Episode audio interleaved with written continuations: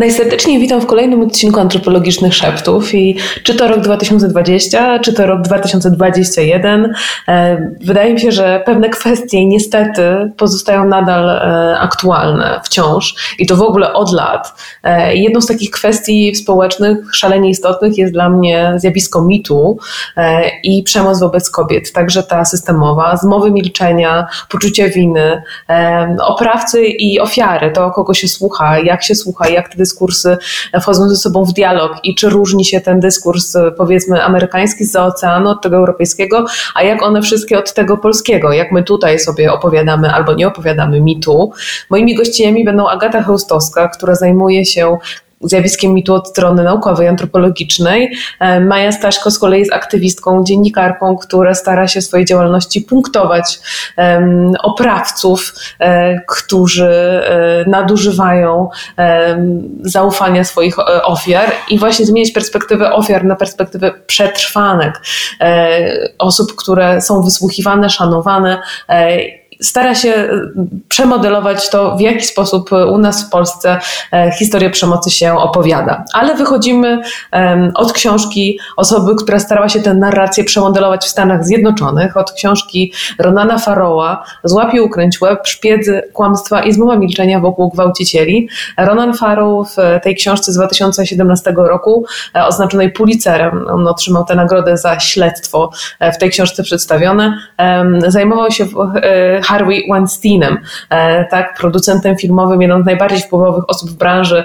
Hollywood, która stała się symbolem e, dla całego ruchu mitu, zrywu, symbolem też tego, że można ten rodzaj zmowy, e, milczenia wokół krzywdy kobiet pokonać, tak, zdekonstruować, przepisać od nowa. Zastanawiamy się wspólnie z Agatą Chełstowską i Mają Staśko, co ta książka, ten rodzaj śledztwa, opowiadania historii e, ma do tego, w jaki sposób my dziennikarsko i nie tylko zajmujemy się tym w Polsce. E, jako pierwszą przepytam z książki i nie tylko e, doktor Agatę Chełstowską. Właśnie zapraszam na naszą rozmowę. Chciałabym najserdeczniej powitać w antropologicznych szeptach doktor Agatę Chełstowską. Cześć. Cześć, dzień dobry którą króciutko e, przedstawię. E, doktor Agata Chełstowska jest antropolożką kultury, e, jest doktorem w Instytucie Socjologii Uniwersytetu Jagiellońskiego, studiowała w New School of Social, for Social Research w Nowym Jorku, wykładała na Uniwersytecie w Kopenhadze, wykłada też na Gender Studies UW, a przede wszystkim, co jest dla nas najbardziej interesujące, jest prowadzącą i autorką programu dla kursu online, w tym roku się odbył, w przyszłym roku również również się odbędzie, dotyczącego problemu, albo raczej nie problemu, tylko zjawiska mitu, czym ono jest, jak antropologia kultury widzi to zjawisko, jak złożony jest to problem. Jestem bardzo szczęśliwa, że będziemy mogły o tym e, porozmawiać. E, ale zanim zapytam e, Cię o to, w jaki sposób zjawisko mitu jest widziane, interpretowane w jaki sposób ta narracja jest prowadzona w Polsce. Chciałabym, żebyś się podzieliła swoją refleksją na temat y, tego sposobu radzenia sobie z, z mitu e, i budowania opowieści o nim e, w Stanach Zjednoczonych i nie tylko, do czego pretekstem jest książka, która dzisiaj jest punktem wyjścia dla antropologicznych szeptów. Złapił ukręć łeb, szpiedzy, kłamstwa i zmowa milczenia wokół gwałcicieli Ronana Farrowa. Sam Ronan Farrow oraz dziennikarki e, The New York Times zostali oznaczeni. Przyznano im Nagrodę Pulitzera w uznaniu za ich ogromne dziennikarskie zasługi w rozwiązywaniu e, afery Harvey'a Weinsteina, czy Weinsteina. E, I, I cóż, i chciałam się Ciebie zapytać może najpierw właśnie, czy Ty śledziłaś na bieżąco to wszystko, co się w Stanach e, działo? Jakie masz refleksje na temat tego, jak mi tu było tam omawiane, jakich słów używano, czy tych właściwych Twoim zdaniem? No po prostu, co, co myślisz o, o, o, że tak powiem, tej stronie oceanu? Mhm. E, tak, oczywiście, że oczywiście, że śledziłam e, to, co się działo i to z wypiekami na twarzy. E, myślę, że to był zupełnie taki no, rewolucyjny i przełomowy czas. E, I rzeczywiście dziennikarze i dziennikarki miały w tym bardzo duży udział. E, Jodie Cantor i Megan Tłochy, tak jak powiedziałaś, też były odznaczone mm, Pulitzerem. To mogę powiedzieć o tym więcej, o tej książce. To jest bardzo taka mm, mhm. Pociągająca historia, dlatego że pokazuje takie dziennikarstwo, które w takim najbardziej chyba heroicznym wydaniu. To znaczy tak. E, dziennikarze, którzy namawiają e, osoby skrzywdzone, żeby im opowiedziały o czymś, dzięki temu, że ich jest coraz więcej, to mają coraz więcej e, odwagi i jakby wychodzi na, mm, na jaw taki ważny problem społeczny no i rzeczywiście jest to dziennikarstwo, które nam pokazuje coś, coś nowego, ale też taki systemowy mm, aspekt tego problemu. Nie pojedynczy, tych kobiet nie było jedna, nie było ich dwie, tylko było ich bardzo dużo, ale też y, myślę, że ich po prostu osiągnięciem jest pokazanie tej, tej mhm. systemowej strony, tego jak bardzo jest to zakorzenione w instytucjach. Przemoc seksualna i później krycie przemocy seksualnej.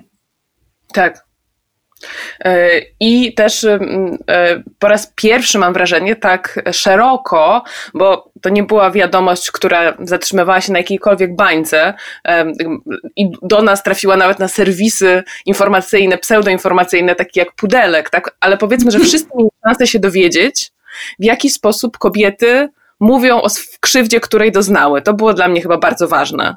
Um, że była to taka wiadomość dla kultury, zglobalizowanej, jednak w której żyjemy, że to nie była sprawa tylko amerykańska, ale stała się to, e, no nie wiem, była to szansa na taką światową zmianę narracji. Mhm.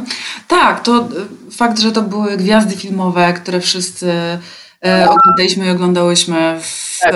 różnych filmach, że jakby mamy uczucie, że je znamy, że, że były gdzieś w naszych domach albo w naszych kinach, to, że są to dosyć znane, dosyć uprzywilejowane osoby, no to rzeczywiście coś zmieniło.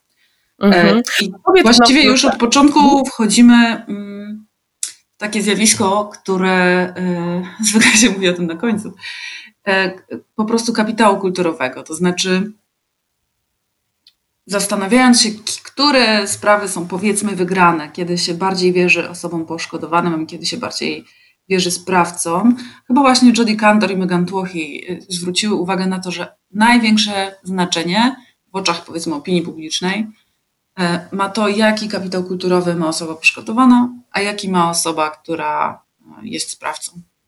I mhm. ponieważ te aktorki miały, były bardziej rozpoznawalne niż producent hmm. Harvey Weinstein, ponieważ były jakby celebrowane, znane i jakby bardzo widoczne. Mm, no, trudno powiedzieć, że w Stanach jest ktoś bardziej tak, e, tak. znany i nie wiem. No to takie boginie z Olimpu mhm. Takie boginie z Olimpu popkultury. Tak, to tak, dokładnie, dokładnie.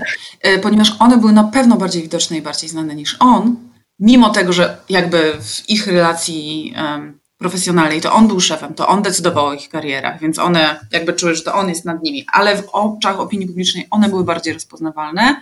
To mógł być kluczowy um, czynnik, dla którego można powiedzieć, że tak. udało się. To znaczy, y, te wszystkie oskarżenia nie, zosta- nie, nie stało się to, co się dzieje od tysięcy lat. To znaczy, że te oskarżenia nie zostały zdyskredytowane, przeoczone, e, uciszone i tak naprawdę no gdzieś tak e, zsunięte na margines, tak? Mhm. Zbyt ważne osoby, zbyt rozpoznawalne osoby, żeby już o tym nie mówić. I rzeczywiście poszło to lawiną. To nie była jedna osoba, ani dwie. Um, tylko naprawdę najpierw kilka, potem kilkanaście, potem kilkadziesiąt.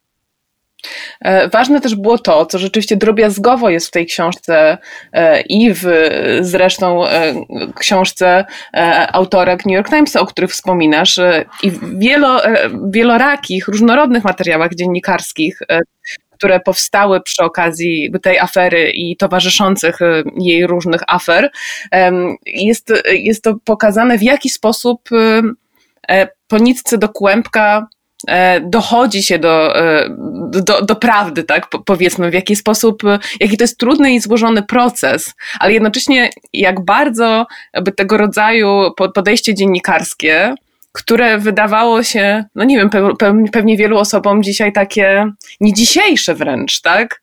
E, I, i, i mam wrażenie, że się okazało nie tylko to, jak ważne jest wysłuchanie głosu ofiar, ale też jak ważne jest wykonanie całej tej pracy związanej z kwerendą, e, fact-checkingiem, e, tego ogromnego dziennikarskiego wysiłku, żeby przekonać, żeby zmienić ten system, tak? Właśnie, żeby, żeby tych głosów już się uciszyć nie dało. To jest też coś, co ja wynoszę, przynajmniej z tego Ameryka, tak zwanego amerykańskiego podejścia.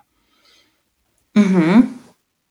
Nie wiem, czy, czy masz po, po, podobnie, że ta drobiazgowość tych dziennikarskich materiałów też cię ujmowała i to, że tam właśnie wszystko jest e, no tak szalenie mrówczo e, sprawdzane i weryfikowane. Myślę, że to musiało być tak zrobione, dlatego że każdy, kto pisze o przemocy seksualnej, e, szczególnie gdzie sprawcami są osoby, które mają władzę i pieniądze, musi się liczyć z tym, no, że zostanie pozwany o zniesławienie. Szczególnie w Stanach, szczególnie, no, myślę, że tam wszystkie jakby gazety zatrudnie mają też działy prawne, które po prostu wszystko sprawdzają, e, tak jak mówisz, drobiazgowo. Natomiast ta książka Ronana Faroa jest mm, myślę o tyle taka interesująca i, i może być wciągająca, dlatego że pokazuje nam, czym dziennikarstwo być powinno. Mi mhm. bardzo, y, bardzo przypomina ten film, jeden z moich ulubionych, Spotlight, tak. w którym jakby taka zwarta drużyna takich dziennikarzy śledczych jest na tropie jakiegoś problemu. Okazuje się, że mhm. bardzo jakby wysoko postawione osoby nie tylko o nim wiedzą, ale biorą udział w tej przemocy seksualnej. I jakby powoli zaczynają się zastanawiać, kto jeszcze wie, kto jeszcze jakby powstrzymywał e, wypłynięcie tych wszystkich e, spraw. I jest trochę taka atmosfera paranoi, trochę atmosfera spisku. Tak. E, po czym okazuje się, że wszyscy wiedzieli i wszyscy zamykali oczy i, i sami dziennikarze, jakby starsi, też właściwie wiedzieli, ale odsuwali to gdzieś na, mm, na dalszy plan i że tak naprawdę nie jest tylko kwestia znalezienia faktów, bo fakty były zawsze i były widoczne, mm. ale kwestia zmiany kulturowej, kiedy nagle te fakty zaczynamy e, traktować poważnie. Akurat Spotlight był o przemocy seksualnej e, wyrządzanej przez e, księży katolickich wobec dzieci. Jest wspaniały film, naprawdę bardzo satysfakcjonujący.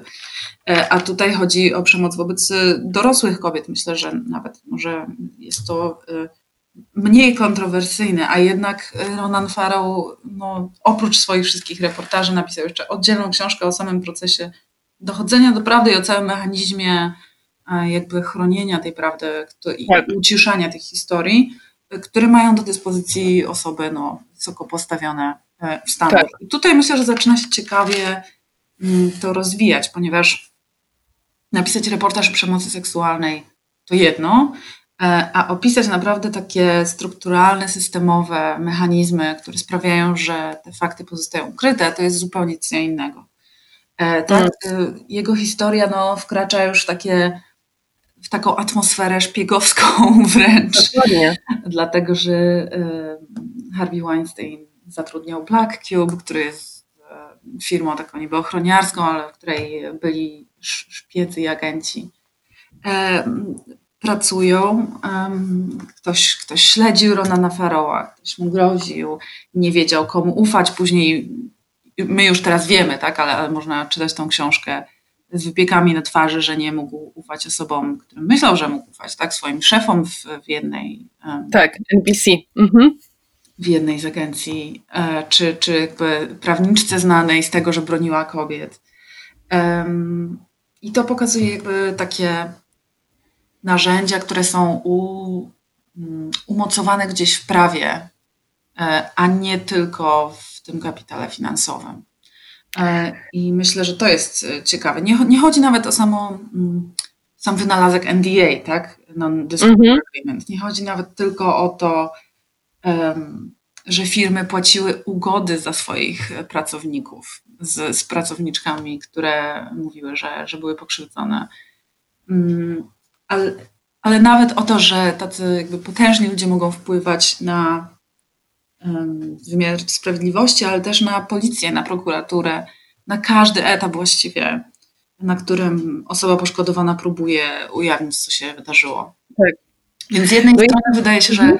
jakby potężne firmy chcą zatrzymać to dla siebie, nie chcą, żeby opinia publiczna się o tym dowiedziała, więc w jakiś sposób jest to ważne, a z drugiej strony, kiedy się dowiaduje, próbują bardzo to umniejszyć um, i, i zamieść pod dywan. Nic wielkiego, mhm. tak? No ale jeśli to nic wielkiego, to czemu zapłaciliście na przykład tej osobie milion dolarów?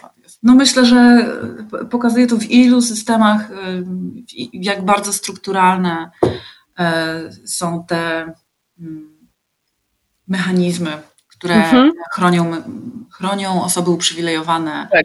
E, i jak bardzo przemoc seksualna jest po prostu osadzona w naszym społeczeństwie. I myślę, że to zdziwienie, myślę też, że amerykański kontekst jest bardzo skupiony na sądach, sprawach sądowych e, i, i takich rzeczach. A um, jako antropolożka prawa czy socjolożka prawa dużo um, czytam, myślę o tym, w jaki sposób prawo raczej utrwala um, niż, niż rozbija te struktury e, przywileju. I myślę, że w, akurat przy mitu bardzo dobrze widać, jak, jak te instytucje prawa mogą po prostu odzwierciedlać normy e, kulturowe e, i niekoniecznie przynosić sprawiedliwość, ale raczej umocowywać w instytucjach stary porządek. Tak, no właśnie chciałabym, żebyśmy o tym e, porozmawiały, rozmawiając jednocześnie o tym, co mówiłaś i co będziesz mówić, e, jakie pytania będziesz zadawać w czasie kursu dotyczącego e, mitu, gdzie będziesz przecież właśnie zastanawiać się nad tym, jakie konstrukcje kulturowe umożliwiają działanie tych, tych konceptów redukujących, tak, czy uciszających, jak złożony jest to system, który koniec końców sprawia, że kobieta nie ma odwagi mówić, albo kiedy mówi, to jej się nie wierzy, albo kiedy mówi i jej się nie wierzy, e, to, e, to nie ma do dyspozycji tych mechanizmów czy, czy instytucji. Chciałabym, żeby, chciałabym, żebyś więcej opowiedziała o tym, e, o tym kursie właśnie i o tym, w jaki sposób antropologia może pomóc zrozumieć zjawisko mitu. Mhm. Ja przystępując do konstruowania tego kursu wiedziałam, że mam przed sobą trudne zadanie, ale wiedziałam też, że trochę myślę, że pod wpływem tego mm, kontekstu amerykańskiego, a może po prostu jest to też nasza jakaś e, tendencja, że bardzo dużo się koncentrujemy na sprawach sądowych, wynikach spraw sądowych, mhm. wyrokach. Jest to jakby taki teren na tyle nieznany i, i związany ze sprawiedliwością i krzywdą, że e, łatwo powiedzieć, nic nie wiemy, musimy poczekać na wyrok, jakby ten spektakl też e, procesu, wszystko to jest bardzo pociągające. Natomiast ja zupełnie nie chciałam od tego zaczynać. Myślę, że tak. to jest jakaś taka ostatnia warstwa. E, I myślę, że to trochę zaskoczyło uczestniczki e, kursu.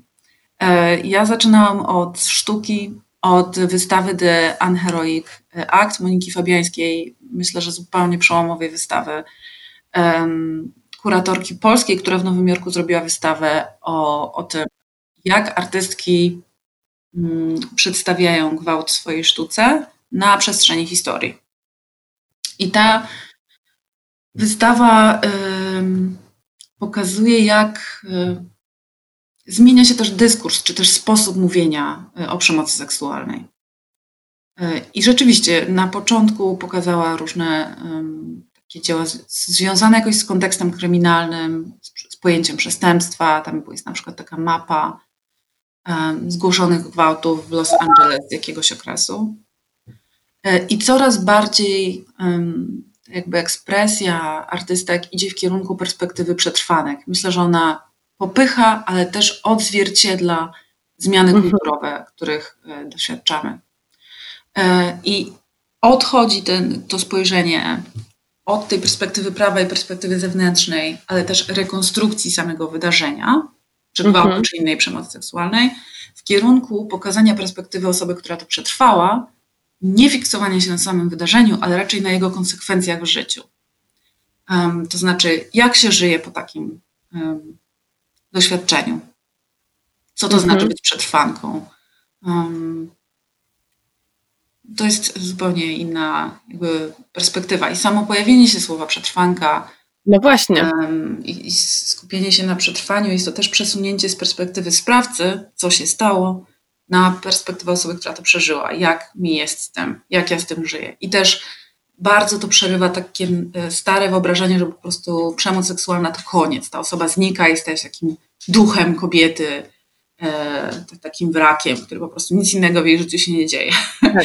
No a tymczasem jest to po prostu jedno z bardzo wielu wydarzeń życiowych i no, można by argumentować, że obecne w życiu tylu kobiet, że um, no, no, nie ma siły, żeby ich życie się zatrzymało, że jest to dosyć takie powszechne doświadczenie E, że w, pewny, w pewien sposób przemocy seksualnej doświadczyła większość z nas. Um, tak. I dopiero później od tego takiego no, dosyć mocnego um, przeglądu tej sztuki, który zapewnia wystawa The Unheroic Act, um, dopiero później przeszłam do takiego naprawdę wczytania się, wmyślenia się w sam mechanizm przemocy seksualnej i tego, mhm. um, jak, dlaczego nam trudno o tym mówić, dlaczego nie mówimy od razu, dlaczego to jest e, w ogóle jakoś tak kulturowe inne, kulturowo inne niż na przykład mówienie o kradzieży czy o pobiciu. Tak? tak. Mm. No i tutaj największe znaczenie ma coś, co z takiej antropologicznej perspektywy bym nazwała symbolicznym ubrudzeniem. Mhm.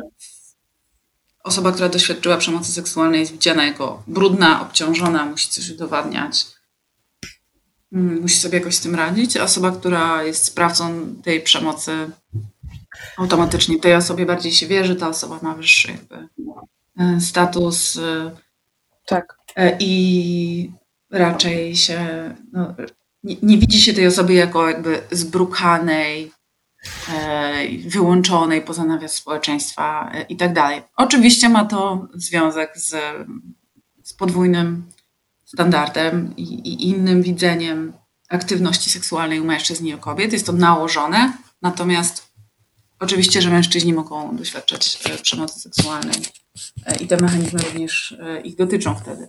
Mhm. Mm, ale tak długo, jak działa ten, to kulturowe jakby zjawisko tego symbolicznego ubrudzenia, przemoc seksualna jest problemem.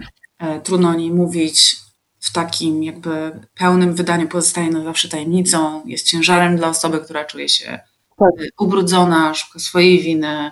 Um, ujawnienie jest jakimś przekroczeniem. I w 2017 roku myślę, że wszyscy, um, wszyscy mogliśmy zobaczyć i wszyscy mogliśmy zobaczyć, jak wielkim jest przekroczeniem. E, jak bardzo jest to powszechne zjawisko, ale też powszechnie ukrywane zjawisko jak trudno jest wierzyć osobom, które mm, mówią, że się wydarzyło.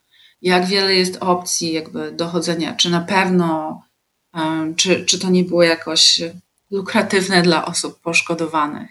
To jest oczywiście jakby samym zakrywaniem większych struktur relacji władzy. To znaczy tego, mhm. że przemoc seksualna jest po prostu um, częścią relacji władzy, jest wykorzystaniem relacji władzy.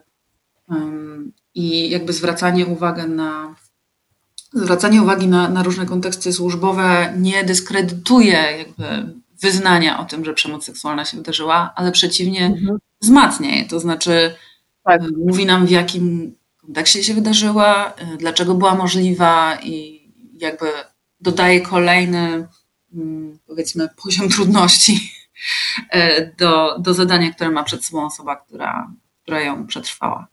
Także no, bardzo to um, jest złożone, a jednocześnie bardzo instynktownie y, czujemy, co się wydarzy. I myślę, że 2017 tak. rok i, i lata, które przyszły później, mogły nas zaskoczyć. To znaczy, ja często miałam takie wrażenie, że wszyscy o tym wiedzieli, ale teraz nagle się to liczy, ale teraz nagle o tym, o tym mówimy i nagle tak.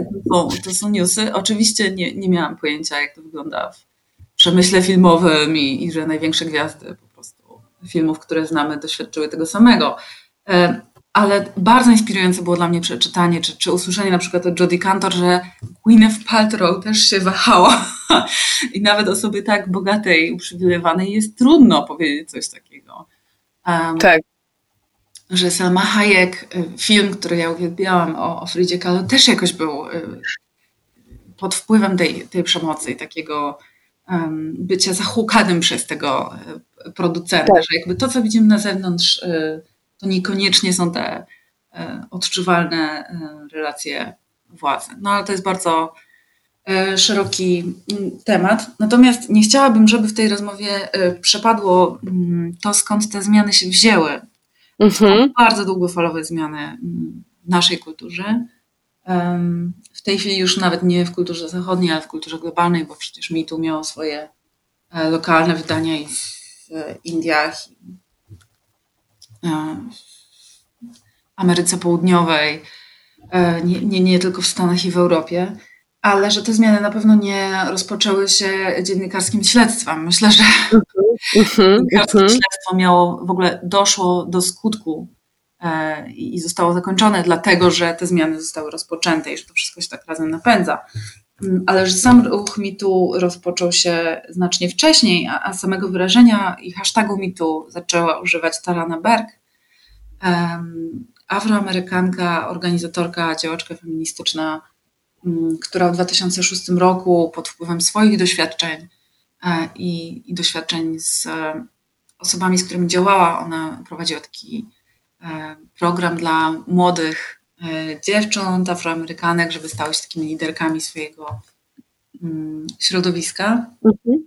I wtedy w, w, tych grupach, które one mogły mówić o swoich doświadczeniach, zobaczyła, jak ogromnym, mm, jakby jak powszechnym doświadczeniem jest przemoc seksualna. I to w, taka właśnie no, doświadczona w bardzo młodym wieku, ponieważ też to się zbiegło z jej doświadczeniami. Ona też była molestowana seksualnie jako, jako dziecko i jako nastolatka. To jakoś zmieniło jej myślenie, zobaczyła, jak bardzo to jest powszechne i że jakby, jak można mówić tym dziewczynkom, mhm. żeby były liderkami swojego środowiska, tak, swoich społeczności. Tak. one niosą taki ciężar, tak, i kiedy mm, zachowują, jak to jest, tak ogromne tajemnice. Um, I doszło do wniosku, że tylko mówienie mitu, czyli ja też tego doświadczyłam, przełamuje tą izolację.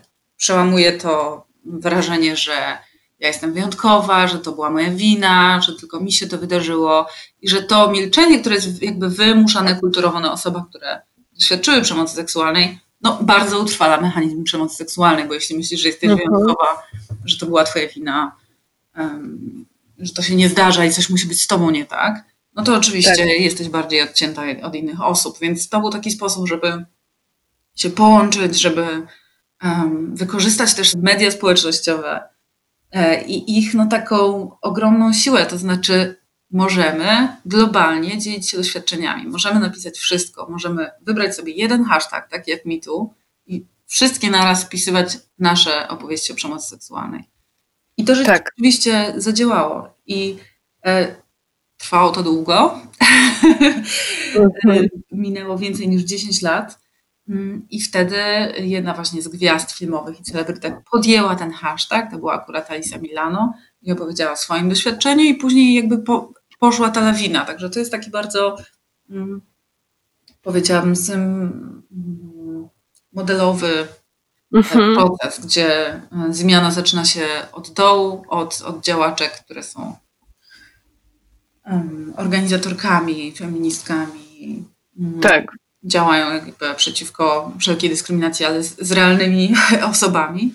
E, I dopiero kiedy one zaczynają tą, tą zmianę i jakby na, nabudowują ten ruch, może on w końcu po, po, po iluś tam latach e, trafić jakoś w orbitę osób uprzywilejowanych, które używając swojego przywileju e, mogą mu nadać jakby jeszcze jeszcze więcej rozmachu, tak? Jeszcze więcej rozgłosu. To jest bardzo ważne, co mówisz rzeczywiście, żeby wiedzieć, że to nie jest e, kometa, tak? Która nagle kosmos e, społecznych doświadczeń, tak? Tylko to jest po prostu rezultat takiej podziemnej pracy, podziemnej dla osób, które jakby nie widzą tych e, działań aktywistycznych na, na poziomie zero E, tak? A jest bardzo ważne, żeby o tym pamiętać, tak? I, i to też może zachęcać e, wszystkich do działania w swoich społecznościach na rzecz e, praw, równości, tak?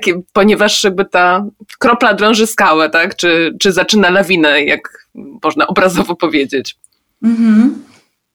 A powiedz, na koniec chciałabym się Ciebie zapytać o to, w jaki sposób Ty, jako naukowczyni, widzisz to, jak rozegrało się albo rozgrywa się nadal, nie wiem, czy można tak powiedzieć, mitu w Polsce? Czy, czy sądzisz, że, mm, że się rozpędza, e, że się rozszerza, e, czy, czy raczej ten potencjał jakoś się rozproszył? Wiesz co, jeśli ja się nauczyłam czegokolwiek o ruchach społecznych, to to, że są totalnie nieprzewidywalne. Mhm. Absolutnie nieprzewidywalne jest, kiedy coś wybuchnie. E, I to 2020 rok mi pokazał bardzo, mhm. bardzo, bardzo wyraźnie. Czy jakąś specyfikę widzisz tego, mm, tego w jaki sposób MeToo w Polsce funkcjonuje? Tak. E, widzę, jak bardzo e, w Polsce mm, wymiar sprawiedliwości potwierdza normę kulturową.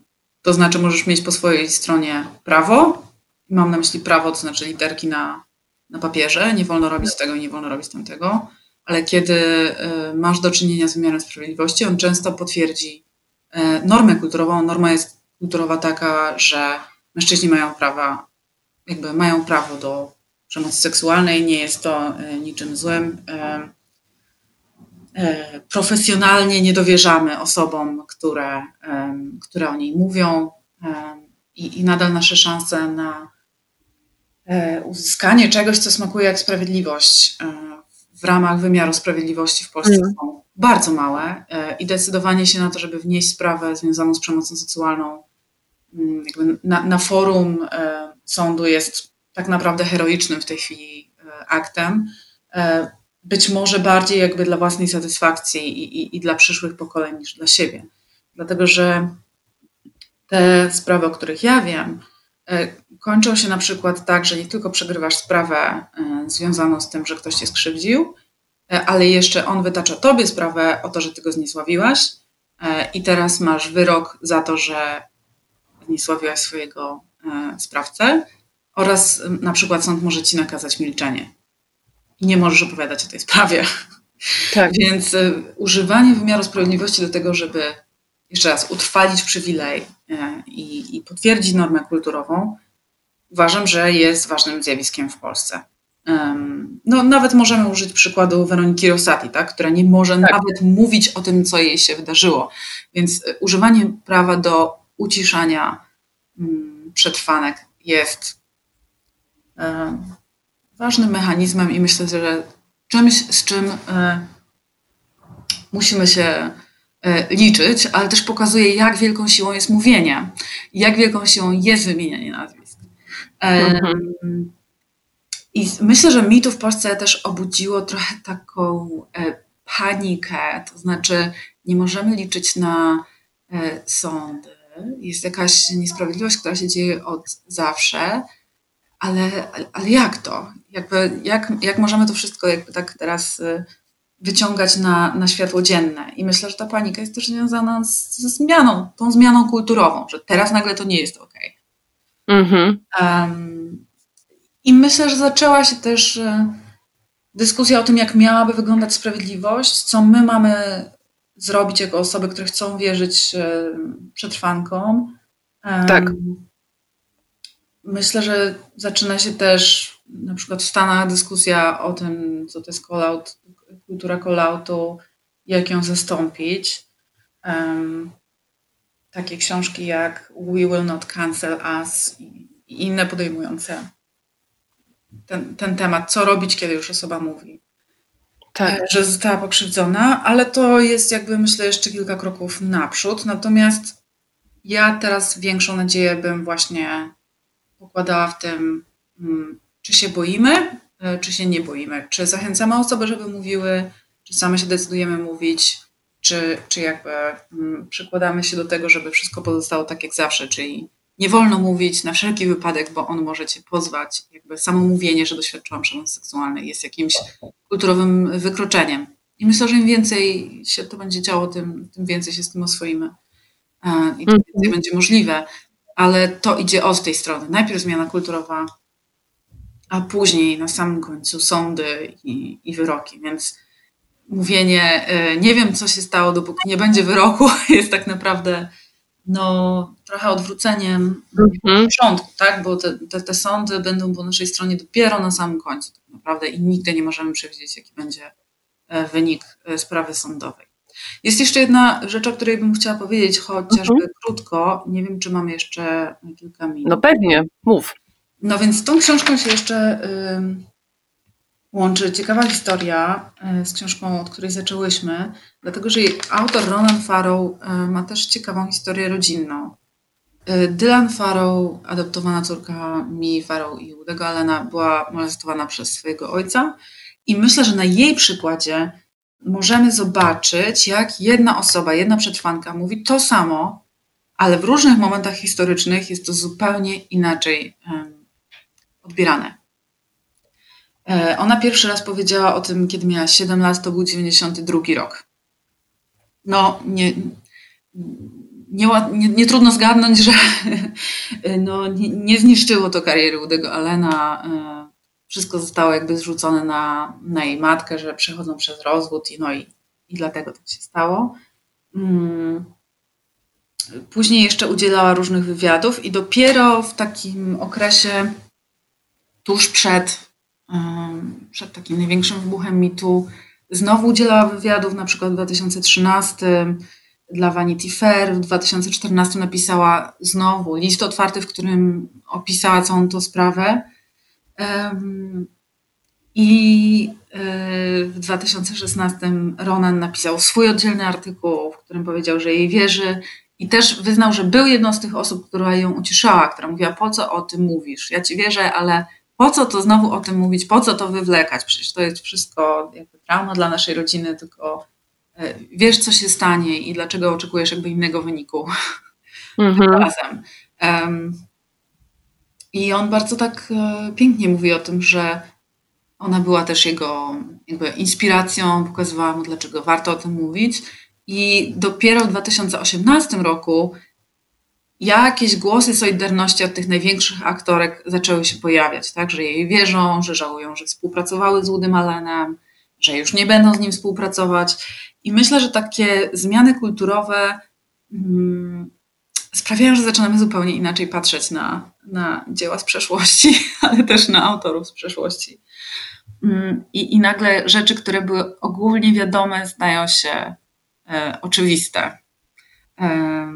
tak. To jest ta wielka zmiana kulturowa, o której mówisz, która dotyczy jakby całego właśnie rozpoznania pola kultury też, e, biorąc pod uwagę mm, no, no to właśnie w jaki sposób działa patriarchat, tak, i, i, i, i w jaki sposób kobiety padają ofiarą i, e, i w jaki sposób można tego nie uznawać też na tym poziomie mm, interpretacji dzieła, tak, czy, czy prestiżu autora.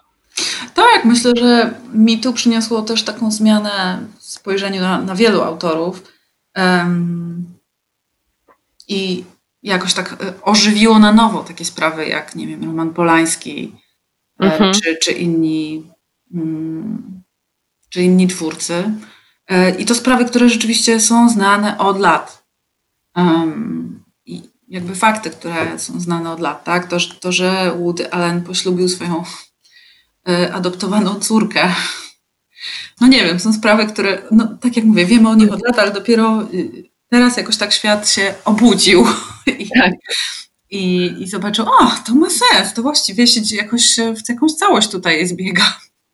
Tak. E, ale myślę, że historia Dylan Farrow jest no, bardzo taka e, symptomatyczna i pokazuje, jak ta sama historia może być inaczej odbierana w różnych kontekstach i w różnych punktach historycznych jak trudno jest też, e, jak na pewno trudno było aktorkom przeciwstawić się jakiemuś reżyserowi, który uważany jest za wybitnego albo znanego, albo decydującego tak. o ich karierach. Tak? No. Myślę, że e, jakby ten punkt wyjścia i punkt dojścia, czyli, czyli książka Złap i ukręć web, e, szpiedzy kłamstwa i zmowa milczenia wokół gwałcicieli, Ronana Faroła właśnie, jest na pewno e, lekturą, która może powiększyć zasób, ostrość widzenia tak, e, tego rodzaju spraw w, w, kulturze, które cały czas się pojawiają, tak, bo, bo jak sama powiedziałaś, to, to jest proces, ta, ta, ta zmiana i będziemy cały czas odkrywać te, te tak zwane oczywistości, będziemy cały czas dekonstruować i miejmy nadzieję, tak, i przyglądać się tym mechanizmom patriarchatu. Ja ci tylko powiem może, że w trakcie naszej rozmowy przypomniałam sobie taką scenę w e, Sex Education, tym, tym serialu o nastolatkach i, e, i te, te, o tym właśnie, w jaki sposób ich problemy z seksualnością wpływają na, na ich życie że tam dziewczyny w pewnym momencie się spotykają, bardzo różne dziewczyny, e, które chodzą do tego samego liceum, nie wiedzą o czym mają rozmawiać. Wszystkie mają karę tam zostania po szkole i, i w pewnym momencie zdają sobie sprawę, że tylko jedna rzecz je łączy i są to niechciane penisy. I wydaje mi się to takie bardzo obrazowe. Także nas jako kobiety łączy rzeczywiście to, że, no, że żyjemy w kulturze, w której jesteśmy e, narażone po prostu na to, że możemy stać się przetwankami, tak powiem, no, ogólnie. O, myślę, że to jest akurat szansa, że to, yy, znaczy tak, zgadzam się, serial był fantastyczny i też myślę, że z taką e, odwagą pokazał to, że to, że wszystkie doświadczyłyśmy przemocy seksualnej w jakimś stopniu, E, to nie znaczy, że nagle jesteśmy po prostu jednią e, siostrzeństwem e, i wszystkie się nawzajem wspieramy i kochamy, bo mamy również inne interesy, inne zainteresowania i te wszystkie dziewczyny są bardzo różne. Myślę, że to jest ogromny sukces twórców, a jednocześnie, że ta jedna rzecz, to znaczy doświadczenie jakiegoś rodzaju przemocy seksualnej, no jest elementem wspólnym dla nich wszystkich. I, i powoli to odkrywają. Um, chciałam tylko powiedzieć, że może tak uzupełnić, że pojęcie e, ofiary i przetrwanki nie, zupełnie się nie wyklucza, że to są jakby dwie postawy wobec jednego doświadczenia, e, że można się czuć, wiele osób się czuje, ja również czuję się i ofiarą, i przetrwanką, a oznacza to, że przyznaję, że ktoś wyrządził mi krzywdę, że doświadczyłam przemocy seksualnej, w tym sensie jestem ofiarą, a z drugiej strony, że mm, koncentruję się na tyle na tym, że to przetrwałam i że jest to oznaką siły, na tym, jak, jak żyć potem, na tym, jak wierzyć sobie, mm, na tym, że inne kobiety e, doświadczyły bardzo podobnych rzeczy i że tworzę to pewną wspólnotę, e, że jakby to bardziej przenosi mnie w kontekst e, przetrwania. Więc to jedno i drugie się nie wyklucza i myślę, że wiele osób może się czuć jednocześnie i ofiarą, i przetrwanką, i jest to jakaś zmiana, której jesteśmy świadkami.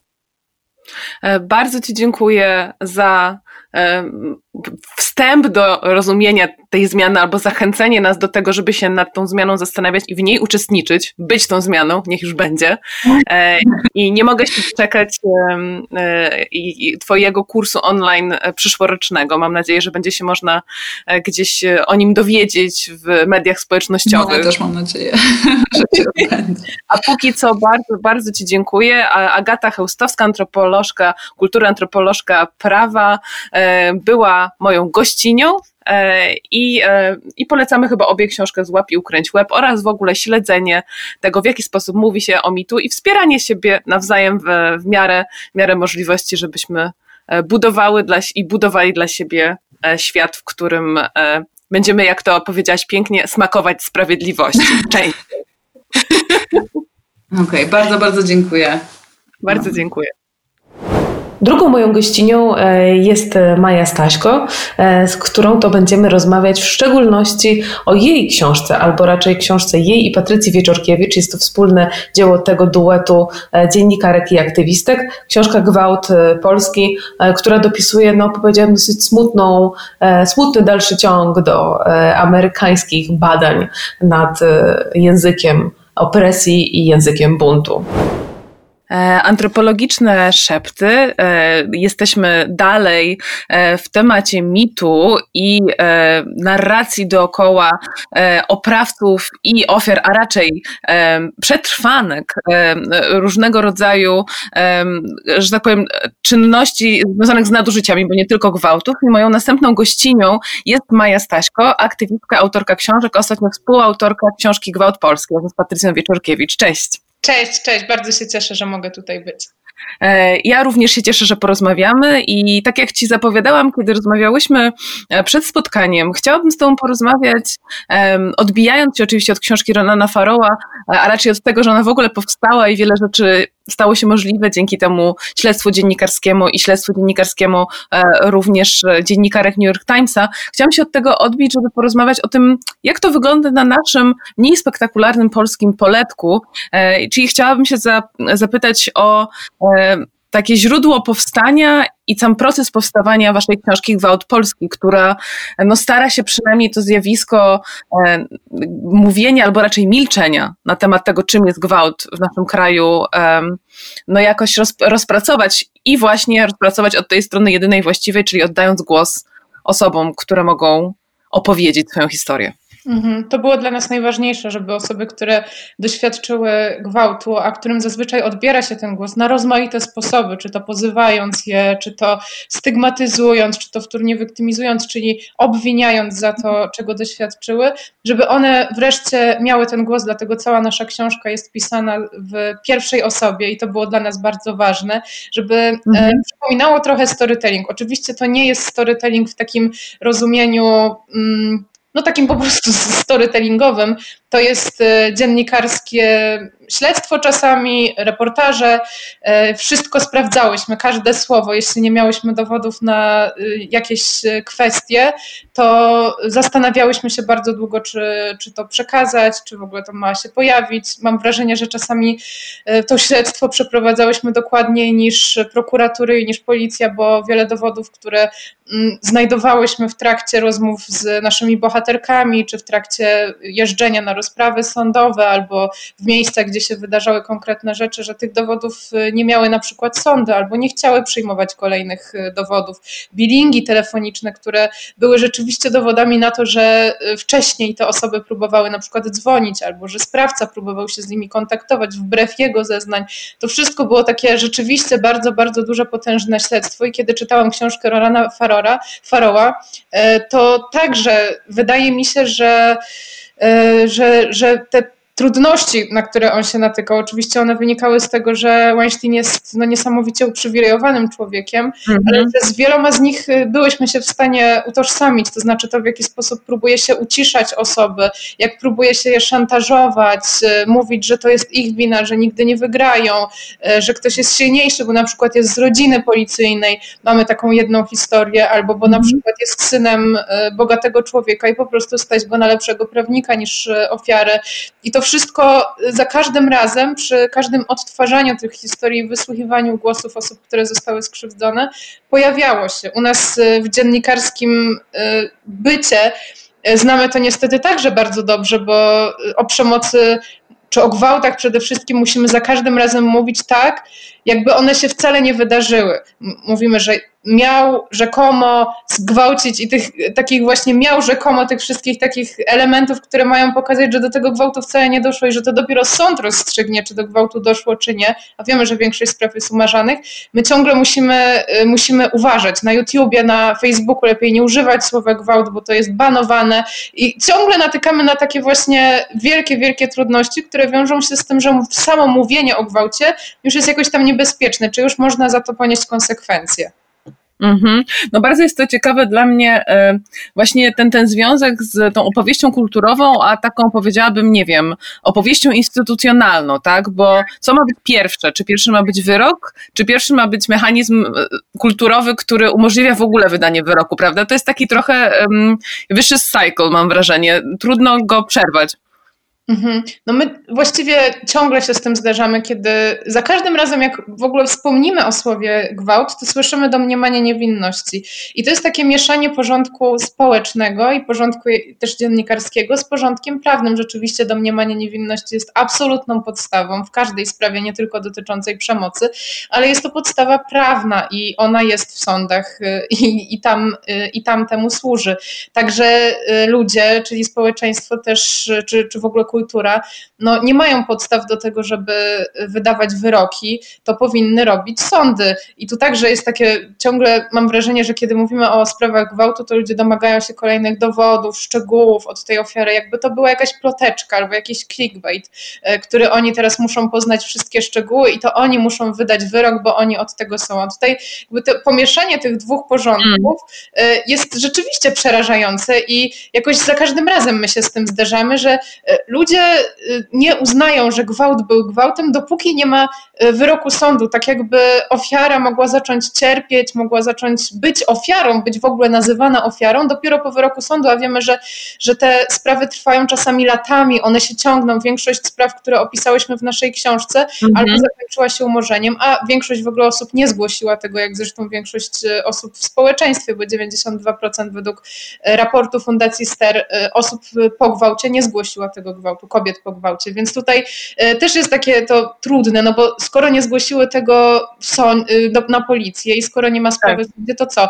Czy do tego gwałtu doszło, czy nie doszło, czy one mają w ogóle prawo mówić o sobie jako ofierze gwałtu, czy nie mają takiego prawa. Agnieszka, e, tak, że bohaterka naszej książki, napisała na Facebooku według sprawcy w komentarzu, a według niej w wiadomości prywatnej, ale według mnie to już w ogóle jest mało istotne i została skazana za to, że nazwała e, swojego byłego męża gwałcicielem, nie dlatego, że on nie jest tym gwałcicielem, czy że dowiedziono, że nie jest gwałcicielem, bo wtedy jeszcze wyroku nie było w sprawie o gwałt, tylko dlatego, że to może negatywnie e, sprawić, że będzie negatywnie postrzegany w oczach społeczeństwa. Oczywiście, że będzie, bo jeśli ktoś jest sprawcą przemocy, to właściwie no, zrobił coś złego i to są konsekwencje tego, co popełnił. Ale tutaj na każdym kroku zderzamy się właśnie z takim pomieszaniem porządku, z jakimś takim też obwinianiem i też mam wrażenie z taką olbrzymim brakiem wiedzy dotyczącym tego, jak można reagować po gwałcie mhm. E, i tego, że też nie ma edukacji w tym zakresie, że nie słucha tak. się tych głosów. I dlatego dla nas bardzo ważne było to, żeby pokazać, że po gwałcie można zrobić gwałcicielowi śniadanie albo być z nim w związku jeszcze przez wiele lat.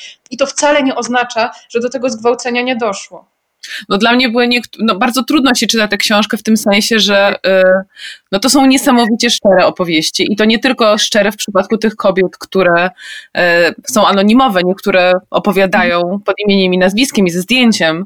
Tak. Y, i, I to jest ogromne, no ogromne złamanie, tak, właśnie tej, zdarcie tej, tej zasłony, ale to jak ogromne jest to przekroczenie, jest też ogromnie przerażające, bo no, pokazuje, jak, jak bardzo jest to temat no, obarczony tym patriarchalnym e, stemplem, prawda?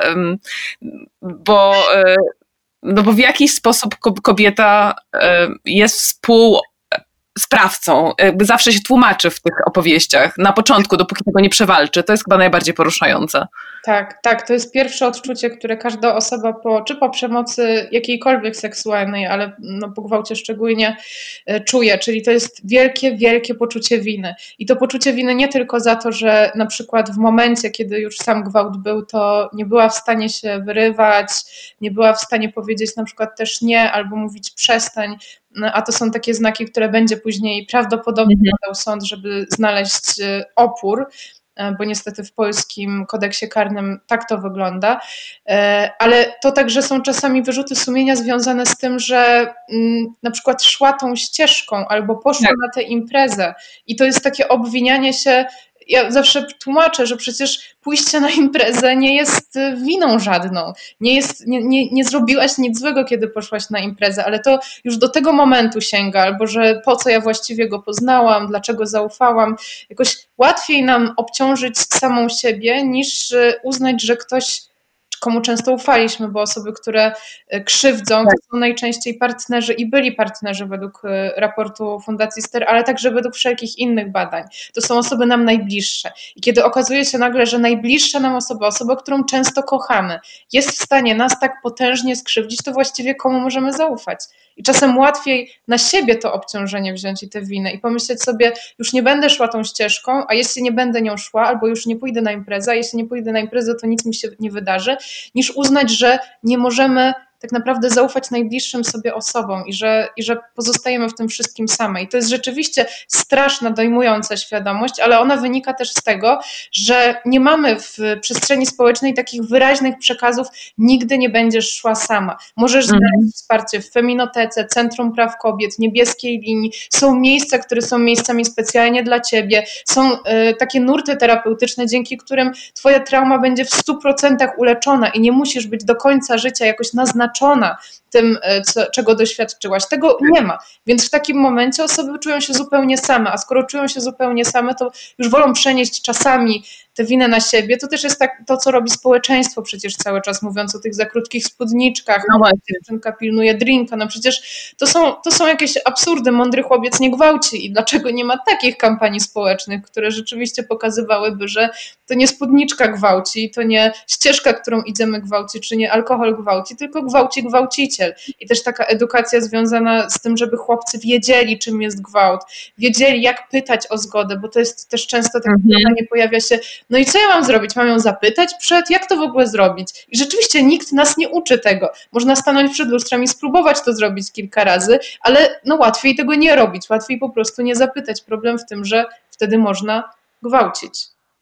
Tak, to jest e, bardzo, bardzo ważne to, o czym mówisz. Zresztą przypomniał mi się ten pokaz mody, który, mhm. tak zwanej mody, tak? Może, może powiesz o nim dwa słowa, który ma związek właśnie z tymi stereotypami dotyczącymi, dotyczącymi e, jakby tej zachęty wizualnej właśnie, którą kobieta ma przedstawiać. Tak, 8 marca to był w ogóle jeden z tego roku, jeden z najpiękniejszych momentów w moim życiu. Y, zorganizowałyśmy pokaz mody, tak zwany pokaz mody, zresztą prezentowałyśmy, reklamowałyśmy go jako najbardziej kontrowersyjny, skandaliczny pokaz mody, nie ujawniając do końca, czego będzie dotyczył.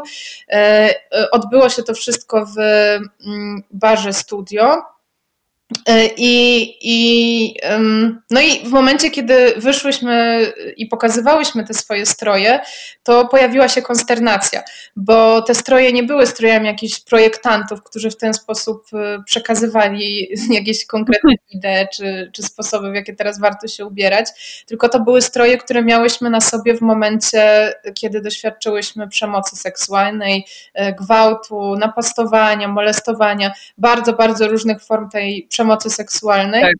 I to było też niesamowicie wyzwalające. To znaczy, to było pokazanie innym, że możemy mieć w momencie przemocy na sobie jeansy, możemy być ubrane w piżamie, bo na przykład jest to nasz y, partner, możemy być w kurtce, możemy mieć na sobie mnóstwo różnych strojów, które absolutnie nie są w żaden sposób tak zwane prowokujące, y, a i tak doświadczamy tej przemocy, bo to nie strój gwałci. Zresztą też badania wskazują na to, że to wcale nie osoby, które są ubrane w taką stereotypową, krótką spódniczkę, doświadczają najczęściej najczęściej przemocy seksualnej. Tych strojów jest naprawdę bardzo dużo i nie można tutaj wyróżnić jakichś bardzo konkretnych, podobnie jak nie można wyróżnić, nie wiem, konkretnych cech gwałciciela czy konkretnych cech ofiary przemocy seksualnej. Po prostu to są takie zdarzenia, które, no, które za każdym razem wyglądają inaczej, bo też za każdym razem to jest coś innego, ale to było też niesamowicie dla nas wyzwalające, że pokazałyśmy swoje twarze, swoje ciała, że przestałyśmy być anonimowe, że też pokazałyśmy, jak częsta jest przemoc seksualna, w jak różnych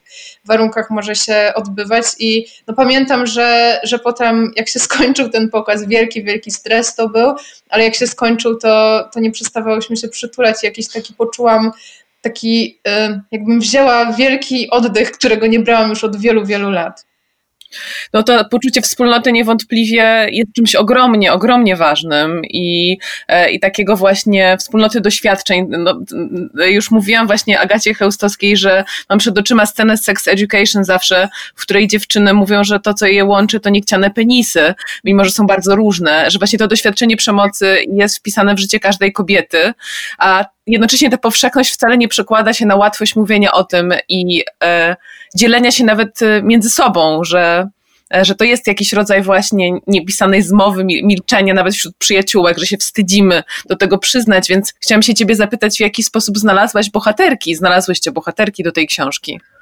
Dla nas y, znalezienie bohaterek właściwie nie było y, jaką, jakimś nadmierną trudnością, ze względu na to, że my wspierałyśmy osoby, które doświadczyły przemocy już od dłuższego czasu, od y, wtedy od bodajże dwóch lat, teraz, teraz to będą już trzy lata, od 2017 mhm. roku, czyli od początku mitu w Polsce i na świecie. I zresztą wydawało nam się, jak podchodziłyśmy do tej książki, że to będzie właśnie takie niesamowicie proste, że przecież już, już wiemy wszystko, już tyle wspierałyśmy osób, że to właściwie się samo napisze.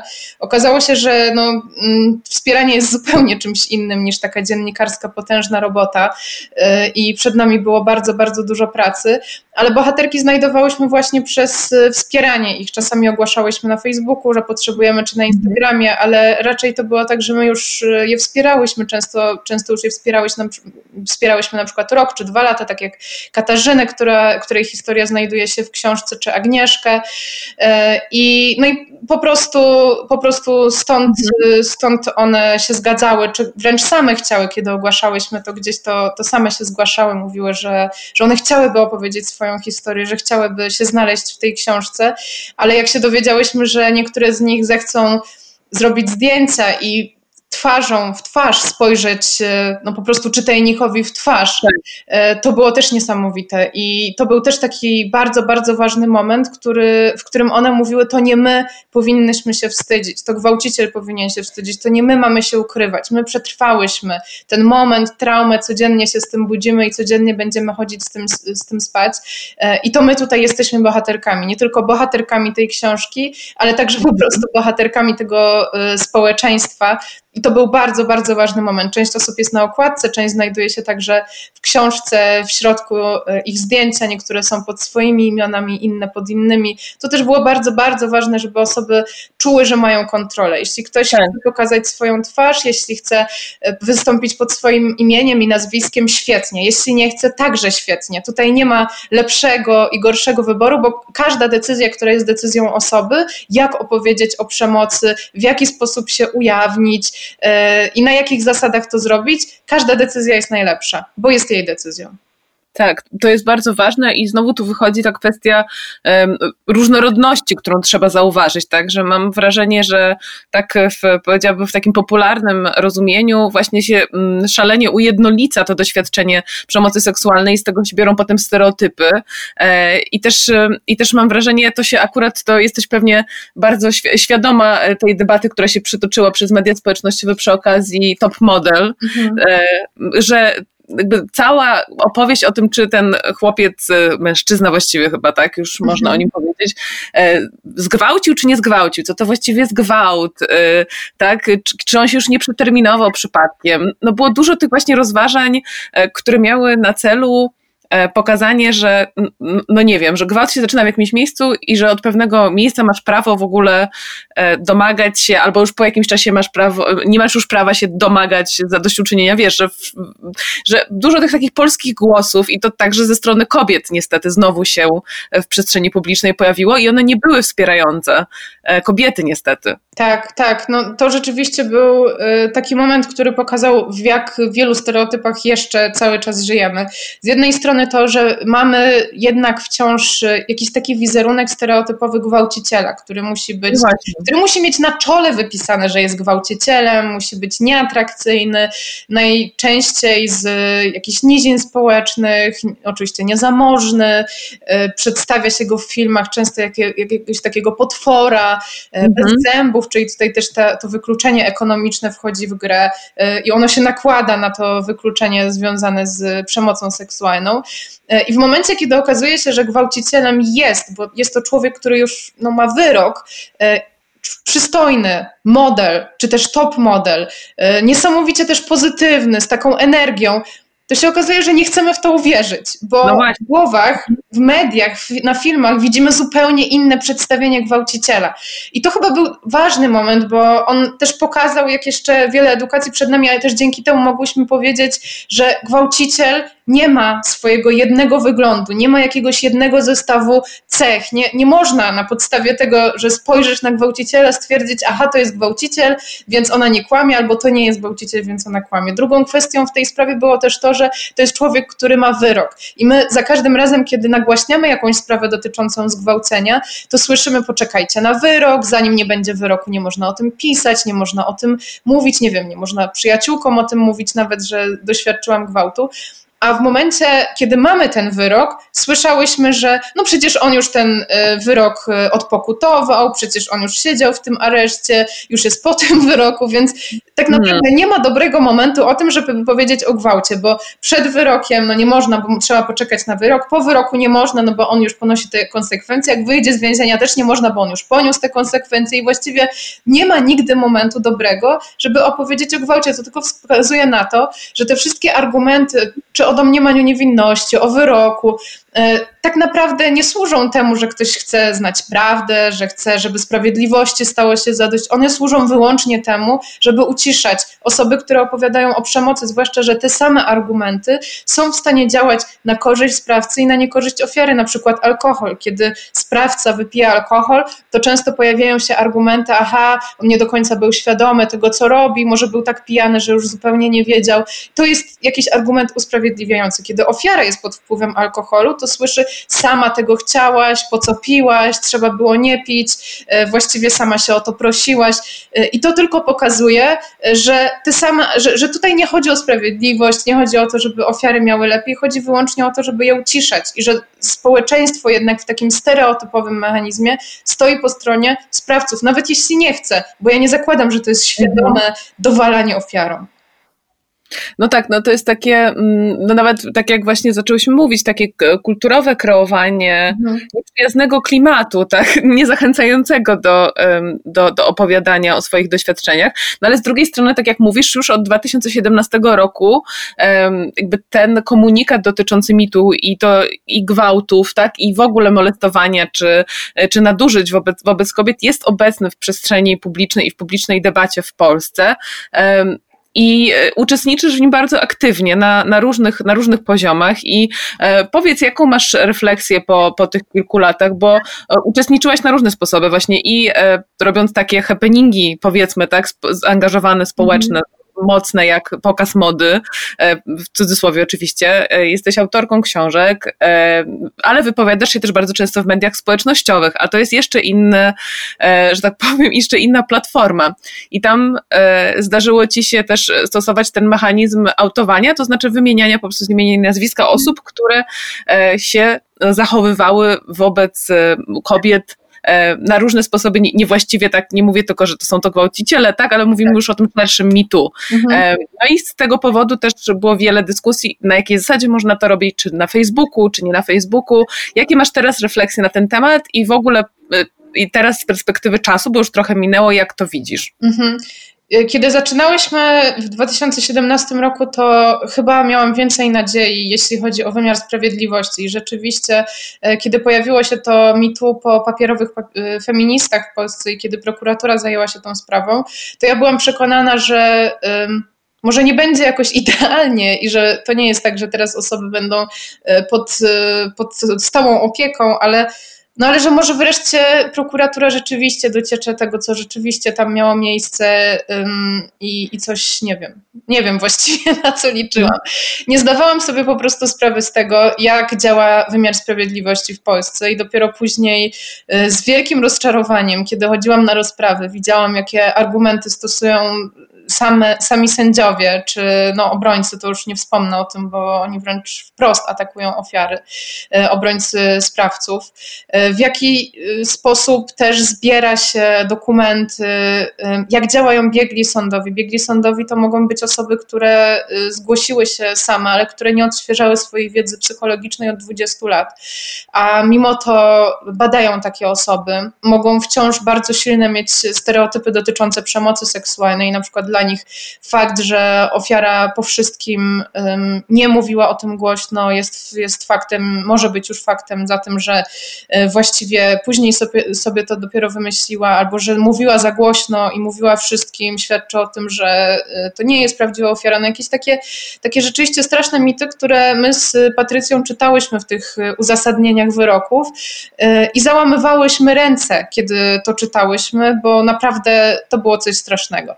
I o ile to autowanie na samym początku wydawało mi się ważne, dlatego że to był głos osób doświadczających przemocy, o tyle teraz wydaje mi się chyba y, jedną z naj, najbardziej skutecznych sposobów. Także dlatego, że często mówi się o przemocy seksualnej jako o czymś, co jest wyłącznie prywatne. Y, I nie należy prać brudów. W momencie, kiedy ujawnia się taką przemoc, to właściwie wpuszcza się innych do swoich y, prywatnych sypialni.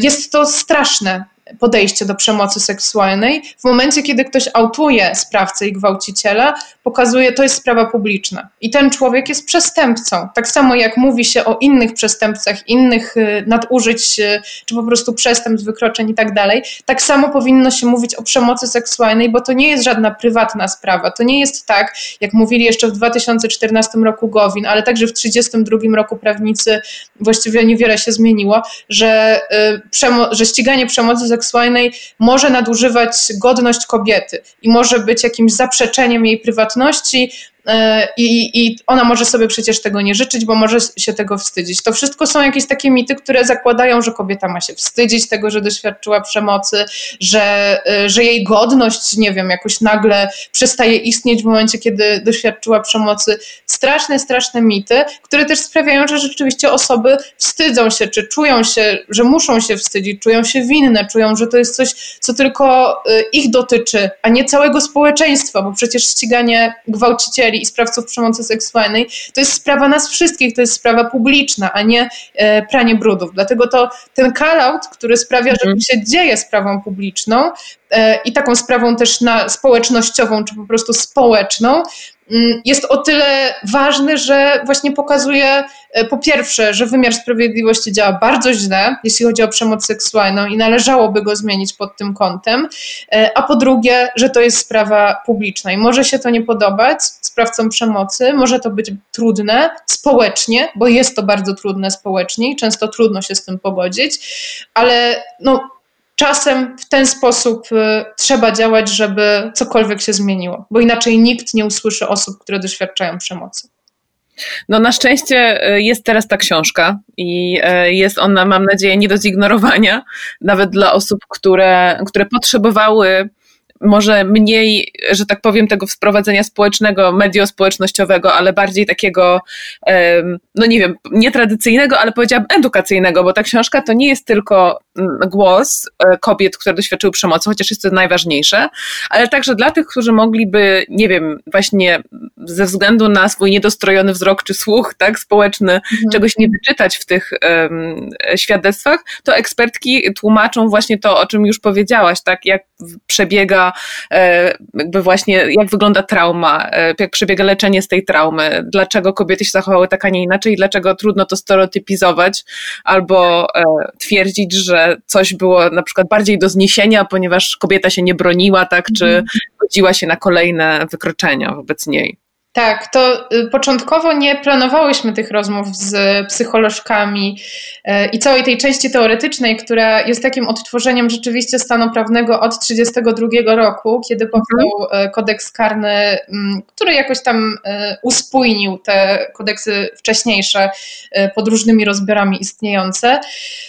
I analizowałyśmy to tak punkt po punkcie, kodeks po kodeksie, jak to się zmieniało, a także rozmawiałyśmy z osobami z różnych organizacji, przeciwprzemocowych, z Feminoteką, z Centrum Praw Kobiet, z Fundacją Przeciw Kulturze Gwałtu na temat tego właśnie, jak wyglądają ich doświadczenia e, i jak to się także zmieniało przez e, lata. No i duża część jest oczywiście poświęcona konwencji antyprzemocowej stambulskiej, która tak. właściwie została podpisana w Polsce w 2015 roku, dlatego że w 2014 roku pojawiła się nowelizacja, dzięki której zaczęto ścigano, ścigać gwałt z urzędu, a także dzięki której ofiary miały lepszą ochronę, to znaczy mogą zeznawać tylko raz przed kamerą, później te zeznania mogą być odtwarzane w trakcie rozpraw, nie muszą chodzić na rozprawy i patrzeć na swojego gwałciciela, który siedzi naprzeciwko nich. To są wszystko takie podstawy prawne, dzięki którym wprowadzono konwencję stambulską i to wprost jest związane z, ze sprawami gwałtu. No i wreszcie te wywiady z ekspertkami. Naszym głównym założeniem było to, że osoby, które doświadczyły gwałtu, są najlepszymi ekspertkami, jeśli chodzi o mhm. sprawy gwałtu, bo one go doświadczyły i mało kto może powiedzieć równie ważne rzeczy dotyczące zgwałceń, co one. Natomiast później zdałyśmy sobie sprawę z tego, że te historie, kiedy są odczytane właśnie w tym jednak społeczeństwie, wśród tych stereotypów, w których funkcjonujemy, chcąc, nie chcąc, bo my także w nich funkcjonujemy, a także osoby, które doświadczyły gwałtu w nich funkcjonują, co sprawia, że też trudniej często wyleczyć te, e, te traumy, mogą nie zdawać sobie sprawy właśnie z pewnych mechanizmów, z pewnych e, elementów traumy e, po gwałcie. I dlatego zdecydowałyśmy się na te rozmowy i bardzo się cieszę, że to zrobiłyśmy, bo one nie tylko są w stanie uświadomić osobom, które nie zdają sobie sprawy, czym jest gwałcenie, właśnie jakie mogą być mechanizmy, ale także samym ofiarom, e, dlaczego zachowują się w określony sposób, dlaczego e, pewne mechanizmy czy pewne myśli się u nich pojawiają, i że to nie świadczy o tym, że do gwałtu nie doszło, albo że, że, że one, mm, nie wiem, kłamią, albo że robią coś e, przeciwko e, gwałcicielowi, Mm, tylko to wynika z tych wszystkich mechanizmów. Najczęściej są to mechanizmy obronne, takie jak wyparcie, czyli w ogóle niepamiętanie o tym, czy doświadczyło się gwałtu, czy nie, czy wypieranie tej informacji, zastępowanie ją innymi informacjami i dysocjacja, czyli oddzielenie ciała od umysłu, takie spojrzenie na siebie, by w trakcie gwałtu, jakby to dotyczyło kogoś innego, takie jakby opuszczenie swojego ciała i spojrzenie na to z boku. I to są typowe mechanizmy e, obronne. Mechanizmem innym jest także mm, zamarcie, brak ruchu w trakcie zgwałcenia. To może wynikać z szoku, ze strachu, e, ale także z tego, że osoba po prostu nie jest pewna, czy jeśli zacznie mm, próbować się bronić, e, to że nie stanie się jeszcze większa krzywda. Także z braku edukacji seksualnej i tego, że no, jednak taka sytuacja jest nagłym szokiem, a my nie jesteśmy przygotowane do tego, żeby się bronić w taki sposób. Właśnie, no Monika Płatek wprost y, napisała, że to jest taki sposób męski obrony, żeby teraz walczyć, e, jakoś uderzać, próbować stosować y, fizyczne, fizyczne tak. elementy obrony i że u nas po prostu to automatycznie często się nie uruchamia, ale to też jest pierwotna fizjologiczna reakcja organizmu, który jest organizmem właśnie maksymalnie e, pod wpływem traumy i który w ten sposób próbuje sobie z nią poradzić, jakoś, jakoś się przed nią obronić. Więc to wszystko pojawia się w, te, w, tym, w tej części teoretycznej, a także w wywiadach z psycholożkami i jest bardzo, bardzo ważnym uzupełnieniem dla nas i też po, pokazuje, że tych ekspertek do, od przemocy seksualnej czy od gwałtu jest bardzo wiele i to są zarówno osoby po gwałtach, ale także osoby, które codziennie je wspierają. Mhm. No tak, to pokazuje, że ta sieć e, istnieje, tak. Jednocześnie oczywiście sytuacja, tak jak rozmawiamy, jest poważna, to znaczy jest bardzo wiele do zrobienia e, i e, w sferze języka, właśnie widoczności, pozbywania się tej stygmy, bardzo wiele, ale, ale z drugiej strony jest też coraz więcej instytucji, kobiet, właśnie osób, które wspierają, jest gdzie się zwrócić. Jeśli tylko oczywiście kobieta, która doświadczyła przemocy, w ogóle rozpozna, że tej przemocy doświadczyła. To też było bardzo przejmujące w książce i w ogóle wokół kultury gwałtu, mam wrażenie, jest to bardzo ważny temat, tak, że, że w ogóle należy być w stanie zobaczyć, że stała mi się krzywda, a nie na przykład tak jest, albo mhm. e, to jest bardziej moja wina, albo przecież nic się nie stało i tak dalej, prawda? Tak, to się często pojawia też przy gwałtach e, małżeńskich czy partnerskich, na przykład Ani, której mąż e, przed tym, jak ją gwałcił, cytował jej fragmenty Pisma Świętego, w którym tak. no, rzekomo y, miało być napisane, że jest to, zresztą no, słyszymy teraz też takie głosy wciąż, że jest to obowiązek małżeński, więc ona na, nawet nie miała świadomości, że to, czego to doświadcza, to są y, gwałty, czy inne osoby, u których mechanizm wyparcia, czy mechanizm obrony obronne tak się nie zadziałały, że były przekonane, że to jest ich, włas, ich, ich wina, czy ich własna jakaś tam e, inicjatywa. Tak. Inne osoby, które nawet nie były świadome tego, że na przykład zdjęcie e, prezerwatywy w trakcie stosunku bez zgody, bez ustalenia tego jest także gwałtem, ponieważ zgadzamy się na stosunek w prezerwatywie, a nie bez niej. E, I nagle jak zdały sobie z tego sprawę, to zrozumiały, że są zgwałcone, inne, które były przekonane, że to tylko penetracja i to penisem jest gwałtem, no. a zatem nie uznawały, zwłaszcza przy inicjacji seksualnej, sytuacji takich jak na przykład penetracja palcem e, albo wręcz e, lizanie i czynności oralne jako gwałt, a później dopiero zdały sobie sprawę, że to także jest i mieści się w tej definicji zgwałcenia, że stosunek czy także przemoc seksualna, gwałt to nie tylko penetracja penisem, ale to bardzo, bardzo dużo różnych innych czynności, które są po prostu związane z seksualnością. E, no i w tym momencie dopiero zdały sobie sprawę, że doświadczyły gwałtu i to też jest dosyć częste, że mówi się w trakcie mitu, że one sobie, te kobiety sobie przypominają o tym, że doświadczyły gwałtu. Część kobiet wiedziała o tym cały czas, ale nie mówiła o tym ze względu na to, że jakoś to jakoś próbowała sobie z tym radzić. Ale w momencie, kiedy widzi swojego gwałciciela, który na przykład odbiera jakieś e, wielkie nagrody, czy tworzy swój kolejny film, albo odnosi niesamowite sukcesy, to pojawiają się po prostu u niej e, reakcje, no, często związane z traumą, czy to może działać też jak trigger, e, czyli taki bodziec uruchamiający rozmaite na przykład ataki paniki.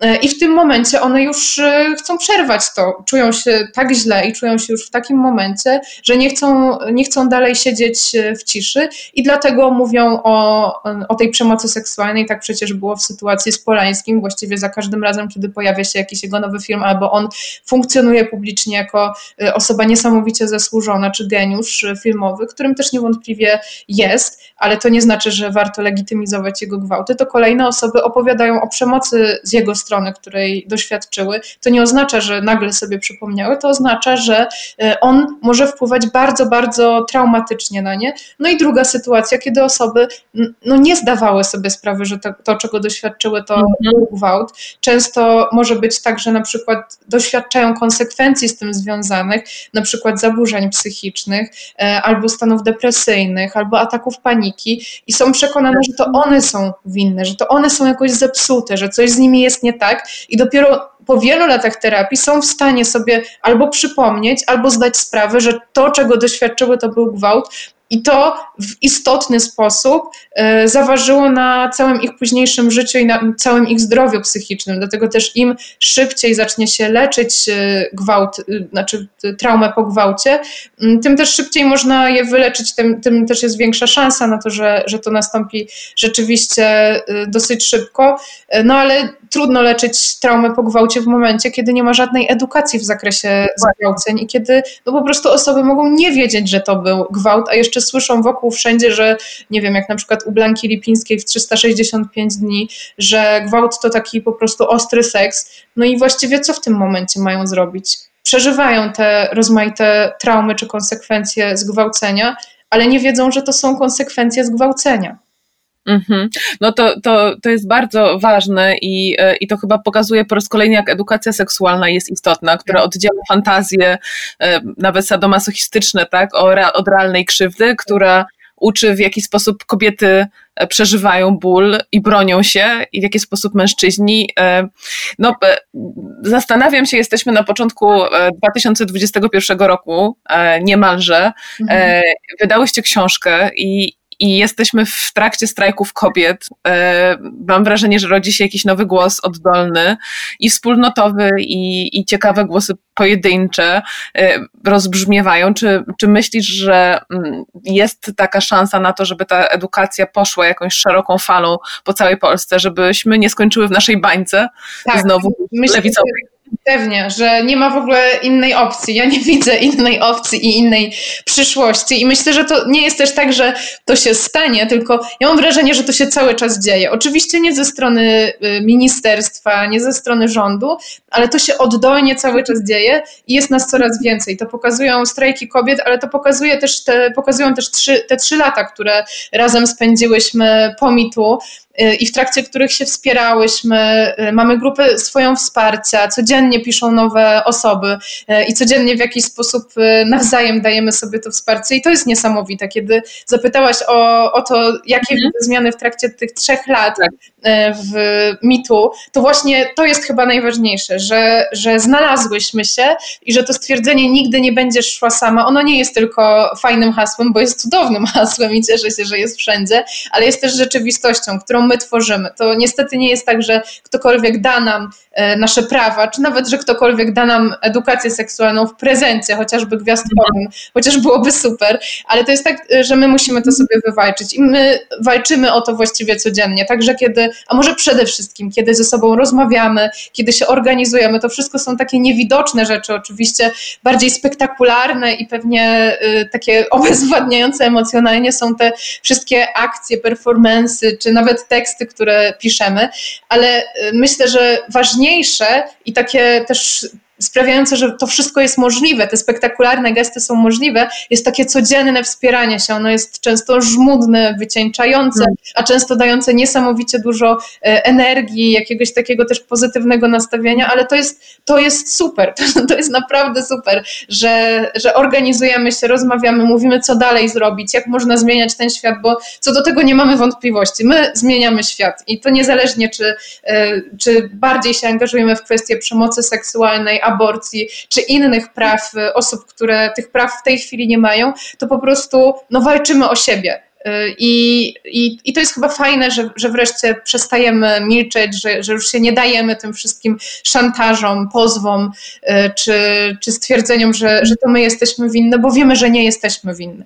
Wiemy, że nie jesteśmy winne, że nie jesteśmy same i że zawsze będziemy miały wsparcie, czy to w organizacjach wsparcia, takich jak Feminoteka czy Centrum Praw Kobiet, które nie dostały dofinansowania od 2015 roku, kiedy y, PiS zaczął rządzić czy w takich nieformalnych kolektywach, czy w ogóle nieformalnych relacjach, jak rozmowy na Instagramie, na Facebooku, te media społecznościowe bywają straszne, pożerające, tworzące jakieś nierealne modele y, i oczekiwania względem ciała, ale także bywają y, niesamowicie wspierające, solidarnościowe i dają dużo, dużo nadziei, kiedy możemy po prostu ze sobą porozmawiać, podzielić się swoimi doświadczeniami i być razem.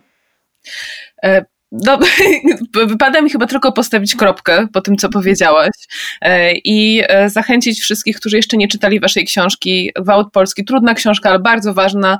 E, zarówno pomoże w, mam wrażenie, dojściu do ładu z jakąś własną, własnym doświadczeniem przemocy, które każda kobieta, jestem przekonana, a też może i wielu mężczyzn ma za sobą różnego rodzaju. No i przede wszystkim da narzędzia do dekonstrukcji i budowy nowego języka. To mi się wydaje bardzo ważne. Dziękuję Ci, Maju, za rozmowę. Dziękuję bardzo. Trzymaj się, jesteśmy razem.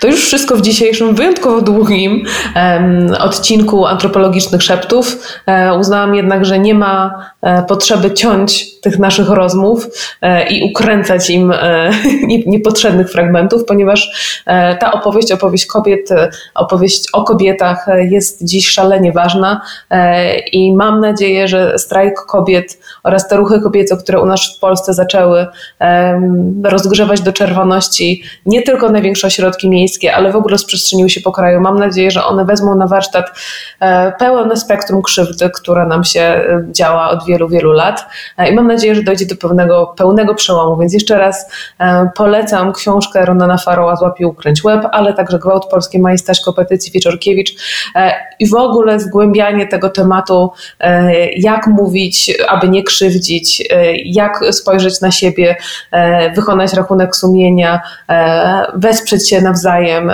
i wesprzeć te, które o, o, pomoc wstydzą się prosić. Walczmy z naszym wstydem z różnych stron, bo wtedy, e, wtedy będzie nam się lepiej, mam nadzieję, i żyło, i, i czytało e, również e, książki, które mam nadzieję zbliżą nas do lepszego świata. Dzięki.